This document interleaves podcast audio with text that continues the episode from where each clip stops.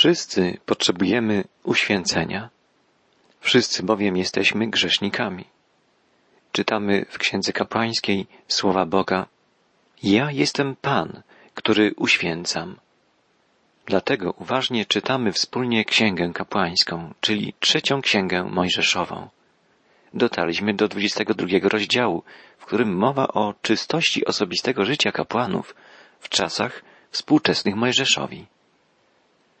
Ponieważ dzisiaj to my, chrześcijanie, wezwani jesteśmy do służenia Bogu jako Jego kapłani, jako naśladowcy najwyższego kapłana, Jezusa Chrystusa, transponujemy prawdy zawarte w tej niezwykłej księdze i przenosimy je w naszą współczesną rzeczywistość. Przeczytajmy kolejny fragment 22 rozdziału Księgi Kapłańskiej.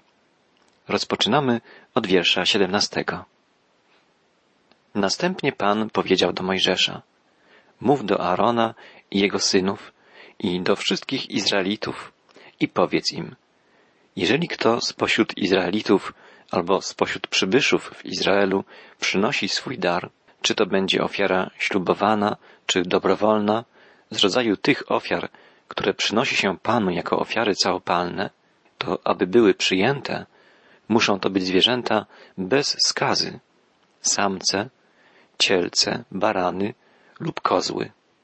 Żadnego zwierzęcia ze skazą nie będziecie składać w ofierze, bo to nie byłoby od was przyjęte.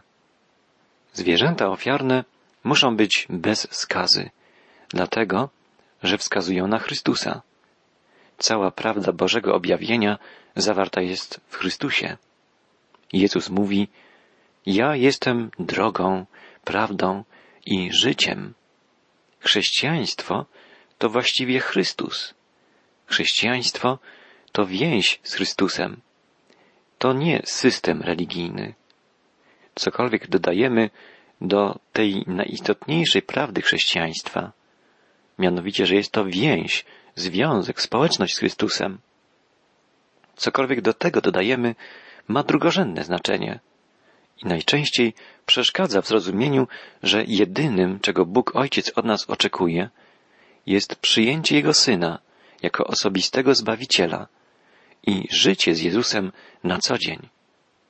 Ofiara wskazująca na Jezusa musi więc być bez skazy, bo On jest święty, bez grzechu.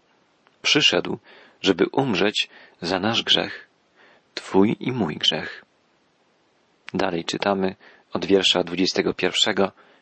Jeżeli kto chce złożyć Panu ofiarę biesiadną, aby wypełnić ślub, albo jako dar dobrowolny, niezależnie od tego, czy będzie to duże czy małe bydlę, będzie ono bez skazy, aby było przyjęte.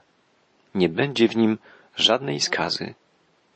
Nie będziecie składać w ofierze Panu zwierząt ślepych, ułomnych, okaleczonych, spuchniętych, parszywych, owrzodzonych. Nie będziecie takich zwierząt składać na ołtarzu na ofiarę spalaną dla Pana. Cielca albo barana niekształtnego lub niewyrośniętego możesz złożyć jako ofiarę dobrowolną, ale jako ofiara ślubowana nie będzie on przyjęty. Zwierzęcia, które ma jądra zgniecione, starte, wyrwane albo wycięte, nie będziecie składać w ofierze Panom i nie będziecie takich rzeczy robić w waszym kraju. Także nie będziecie przyjmowali takich zwierząt od cudzoziemca i nie będziecie ich ofiarowali jako pokarm dla Boga waszego, bo ten brak jest w nich skazą i dlatego nie będą przyjęte na waszą korzyść. Potem Pan powiedział do Mojżesza, jeżeli urodzi ci się ciele, jagnię albo koźlę, to będzie ono przez siedem dni przy matce. Zaczynając od ósmego dnia i dalej, będzie ono przyjęte jako dar spalany dla Pana. Nie będziecie tego samego dnia zabijać krowy albo owcy razem z jej małym. Czytamy, że jakakolwiek wada, deformacja, choroba, ułomność, czyli jakakolwiek skaza zwierzęcia uniemożliwiała złożenie go w ofierze. Dalej czytaliśmy, że każde młode zwierzę musiało ukończyć co najmniej siedem dni życia, żeby mogło być ofiarowane Panu. Liczba siedem symbolicznie ukazuje pełnię. We wszystkim widzimy tu wskazanie na Jezusa. Izraelici, niepomni słów Pana, składali w ofierze zwierzęta ułomne, chrome, ślepe. Mówi o tym w imieniu Boga prorok Malachiasz. Ofiarujecie na moim ołtarzu pokarm nieczysty. I jeszcze pytacie się, czym go zanieczyściliśmy? Gdy przynosicie na ofiarę to, co ślepe, czy nie ma w tym nic złego? Gdy ofiarujecie to, co kulawe i chore, czy nie ma w tym nic złego? Nie mam was upodobania, mówi Pan zastępów, i nie jest mi miła ofiara z waszej ręki. Ofiary składane niezgodnie z Bożym poleceniem, zamiast wskazywać na Chrystusa i Jego dzieło, dowodziły mizerii upadłej natury człowieka i urągały Bogu, bezcześciły Jego imię. Kiedy będziecie składać dla Pana ofiarę dziękczynną, czytamy dalej, składajcie ją tak, aby była przyjęta. Tego samego dnia będzie spożyta. Nie będziecie z niej nic zostawiać aż do rana. Ja jestem Pan. Ofiara dziękczynna była ofiarą dobrowolną. W ten sposób człowiek czasów Starego Przymierza mógł wyrazić swoją wdzięczność Bogu. Dzisiaj powinniśmy być Bogu wdzięczni przede wszystkim za to, że posłał do nas swego jedynego Syna, Jezusa. Chrześcijanin powinien być człowiekiem przepełnionym wdzięcznością, niezależnie od okoliczności, w jakich przychodzi mu żyć na co dzień. W Chrystusie człowiek wierzący ma przecież wszelkie duchowe skarby, a przede wszystkim wie, że poznał absolutną prawdę, że wkroczył na jedyną drogę wiodącą do Boga Stwórcy, Boga Ojca i że otrzymał dzięki zaufaniu Chrystusowi dar wiecznego życia u Jego boku, w Jego królestwie. Czy może być wspanialszy powód do wdzięczności? Powinniśmy sobie stale o tym przypominać, radować się z Bożej łaski, z doświadczenia wielkiej Bożej miłości. W końcowych wierszach 22 rozdziału Księgi Kapłańskiej czytamy Będziecie strzec moich przykazań i wykonywać je. Ja jestem Pan. Nie będziecie bezcześcić mojego świętego imienia. Okazuję moją świętość pośród Izraelitów. Ja jestem Pan, który was uświęca który wyprowadził was z ziemi egipskiej, abym był waszym Bogiem. Ja jestem Pan. Izraelici, jako naród, mieli wskazywać na żywego Boga. Gdyby wypełniali wiernie Boże przykazania, Bóg błogosławiłby im tak obficie, że cały świat spoglądałby na Jerozolimę i dostrzegłby jedynego prawdziwego Boga, Boga manifestującego swoją obecność pośród wybranego przez siebie ludu. Dzisiaj my, chrześcijanie, czyli ludzie należący do Chrystusa, mamy nieść światu poselstwo Bożej mocy i miłości. Nasze życie powinno być tak zachęcającym przykładem manifestowania się Bożej łaski, żeby wszyscy zapragnęli poznać Pana. Jak to jest możliwe? Mamy przestrzegać Bożych przykazań, wykonywać je. Nie mają to być jednak nasze nieudolne wysiłki. Mamy przyjąć moc Ducha Świętego, Jego natchnienie, Ducha Chrystusowego, danego nam w momencie powierzenia swego życia Jezusowi. O własnych siłach nie jesteśmy w stanie czynić dobra. Jednak gdy pozwolimy Duchowi Chrystusowemu na to, by nas przemieniał, kształtował i prowadził i uzdalniał do pełnienia Bożej woli, możemy stać się ambasadorami Bożego Królestwa. Jeśli kochamy naszego Króla, z radością wypełnimy Jego polecenia. Apostoł Jan pisze w swoim pierwszym liście, że spełnianie przykazań Bożych nie jest uciążliwe dla tego, kto kocha Boga i kto wie, że jest przez Niego kochany. Gdy chłopiec kocha dziewczynę, jest w stanie zrobić dla niej o wiele więcej niż gdyby mu kazano zrobić choćby dziesiątą część tych samych rzeczy dla kogoś obcego. Nasze wysiłki własne dają marny efekt. Nie jesteśmy w stanie sprostać Bożym standardom i nigdy nie zasłużymy sobie dobrymi uczynkami na zbawienie.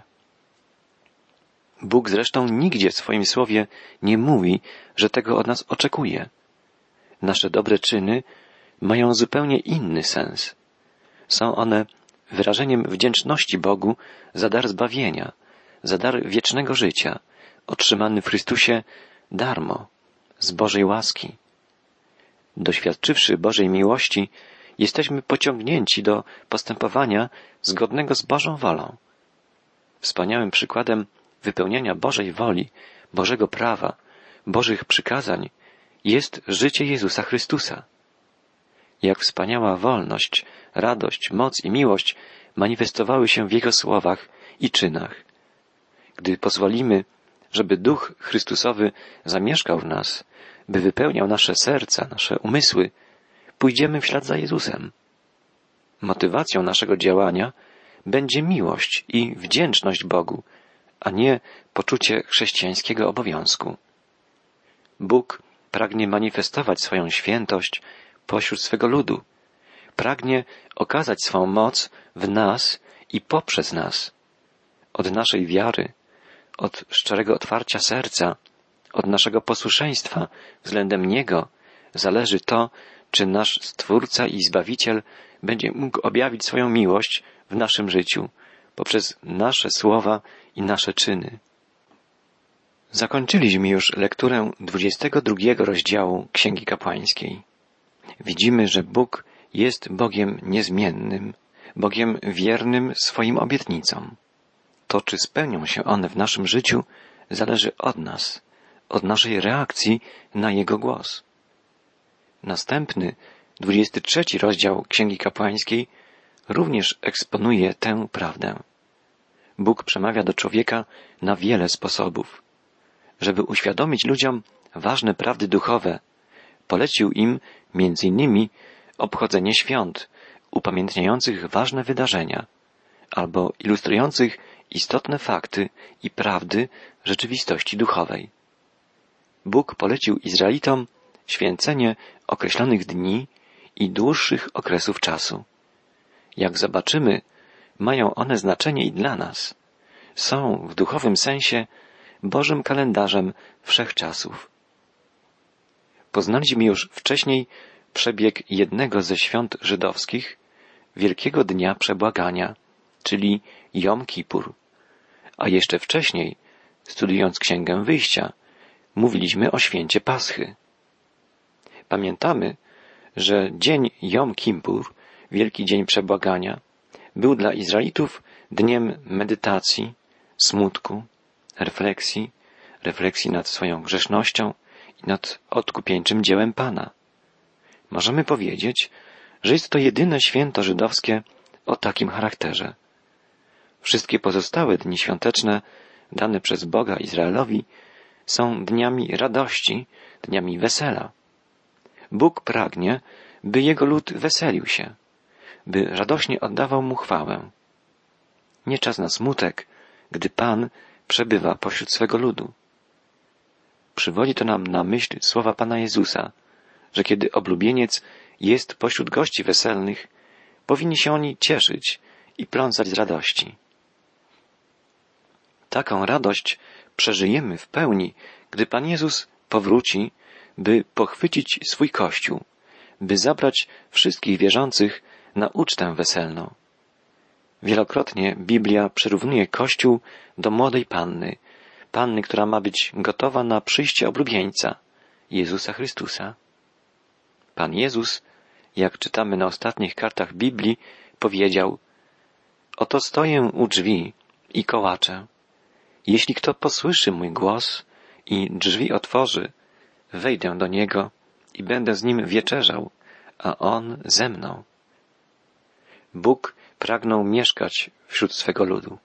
Pragnął przewodzić Izraelowi jako król. Nie było Bożym zamiarem powołanie ziemskiego króla dla ludu izraelskiego. Bóg sam miał kierować Izraelem w bezpośredni sposób. Izraelici jednak domagali się, żeby ustanowiono nad nimi króla i został nim Saul. Wiemy, jak tragiczna była to postać.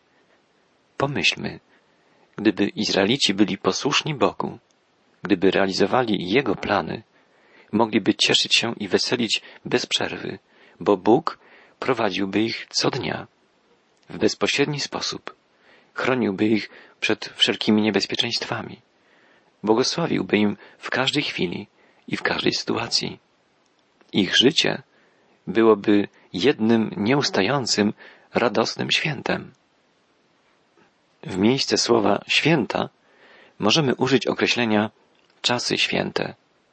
Oddaje ono nawet lepiej sens użytego tutaj słowa hebrajskiego. Święte czasy. Na początku 23 rozdziału Księgi Kapłańskiej mowa jest o szabacie. Szabat to dzień odpocznienia, siódmy dzień tygodnia.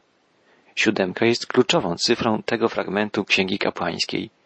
Pełni tu podobną funkcję jak w Księdze Apokalipsy. Oprócz szabatu jest tu mowa o siedmiu innych świętach. Święto tygodni związane było z okresem 49 dni, czyli pełnych siedmiu tygodni. Wielki Dzień Przebłagania i Święto Namiotów przypadało na siódmy miesiąc roku.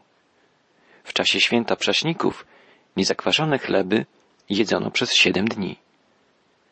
Czasy święte miały podwójne znaczenie praktyczne i profetyczne, prorocze.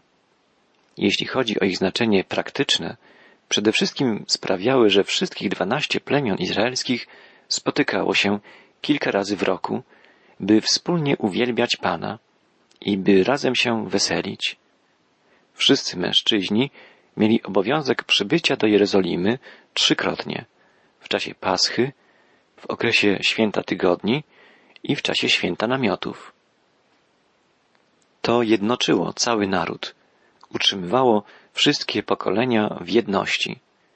Ludzie przybywali ze wszystkich stron królestwa, mogli wymieniać poglądy, uzgodnić jednolite zasady postępowania w różnych dziedzinach życia. Jednym z powodów podziału państwa na Królestwo Północne i Południowe było zaniedbanie tej tradycji. Większość świąt żydowskich związana była z rytmem pracy na roli, ze żniwami i innymi pracami agrotechnicznymi. Szczególnie dotyczy to świąt pierwocin, świąt tygodni i święta namiotów. Wielbiono wtedy Boga tam, gdzie uprawiano zboże, figi czy winogrona. Oddawanie Bogu czci powiązane było z pracą ludu na roli. Jednak głównym celem wyznaczenia przez Boga świętych czasów jest wyrysowanie profetycznego obrazu przyszłości. Każde święto zawiera proroczą zapowiedź. Większość z tych proroctw już się spełniło.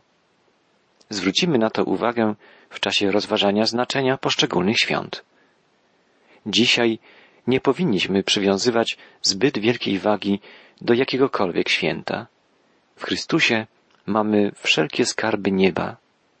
Chrystus jest treścią każdego święta, jest ich wypełnieniem, tak jak jest wypełnieniem całego Bożego prawa. Chrystus jest rzeczywistością. Wszystko inne to cienie. W liście do Kolosan apostoł Paweł pisze Niech was nikt nie sądzi z powodu pokarmu i napoju, albo z powodu święta lub nowiu księżyca bądź szabatu. Wszystko to są tylko cienie rzeczy przyszłych. Rzeczywistością natomiast jest Chrystus. A więc dzisiaj nie powinniśmy przywiązywać zbyt wielkiej wagi do jakiegokolwiek święta. W Chrystusie mamy wszelkie duchowe skarby nieba na co dzień. Należy jeszcze wspomnieć, że 23 rozdział Księgi Kapłańskiej nie opisuje wszystkich świąt żydowskich. W 25 rozdziale znajdziemy opis roku szabatowego i roku jubileuszowego, a w czwartej księdze Mojżeszowej, czyli w księdze liczb, opis święta Nowiu Księżyca. Tak więc 23 rozdział Księgi Kapłańskiej opisuje szabaty i siedem świąt. Święto Paschy, święto Przaśników, święto Pierwocin, święto Tygodni, święto Trąb oraz Wielki Dzień Przebłagania i święto Namiotów. Te święta ukazują Boży plan działania, jak gdyby Boże kalendarium najistotniejszych dla człowieka wydarzeń zainicjowanych przez Boga. Święto Paschy wskazuje na ukrzyżowanie i śmierć Jezusa. Święto Prześników wskazuje na społeczność, więź z Chrystusem, karmienie się Nim, Jego Słowem. Święto Pierwocin to obraz zmartwychwstania Jezusa. Święto Tygodni to zapowiedź narodzin Kościoła. Święto Trąb mówi o powrocie Izraela do ziemi obiecanej. A Wielki Dzień Przebłagania mówi o przebłaganiu za nasz grzech, które dokonało się na krzyżu Golgoty. Święto namiotów wskazuje natomiast na czas, w którym Izrael zbierze się już w Ziemi Świętej. Zapowiada też nasze zamieszkanie w domu Boga w przyszłości. Pomódlmy się na koniec. Panie Boże, otwórz nasze duchowe oczy, kiedy będziemy studiować Twoje słowo, kiedy będziemy rozważać treść czasów świętych, które dałeś Izraelowi. Panie, daj, byśmy na co dzień mogli rozważać skarby duchowe, skarby nieba, które mamy w Jezusie Chrystusie. Daj, byśmy mogli zrozumieć Twoją myśl, Twoje słowo. W imieniu Jezusa Chrystusa. Amen.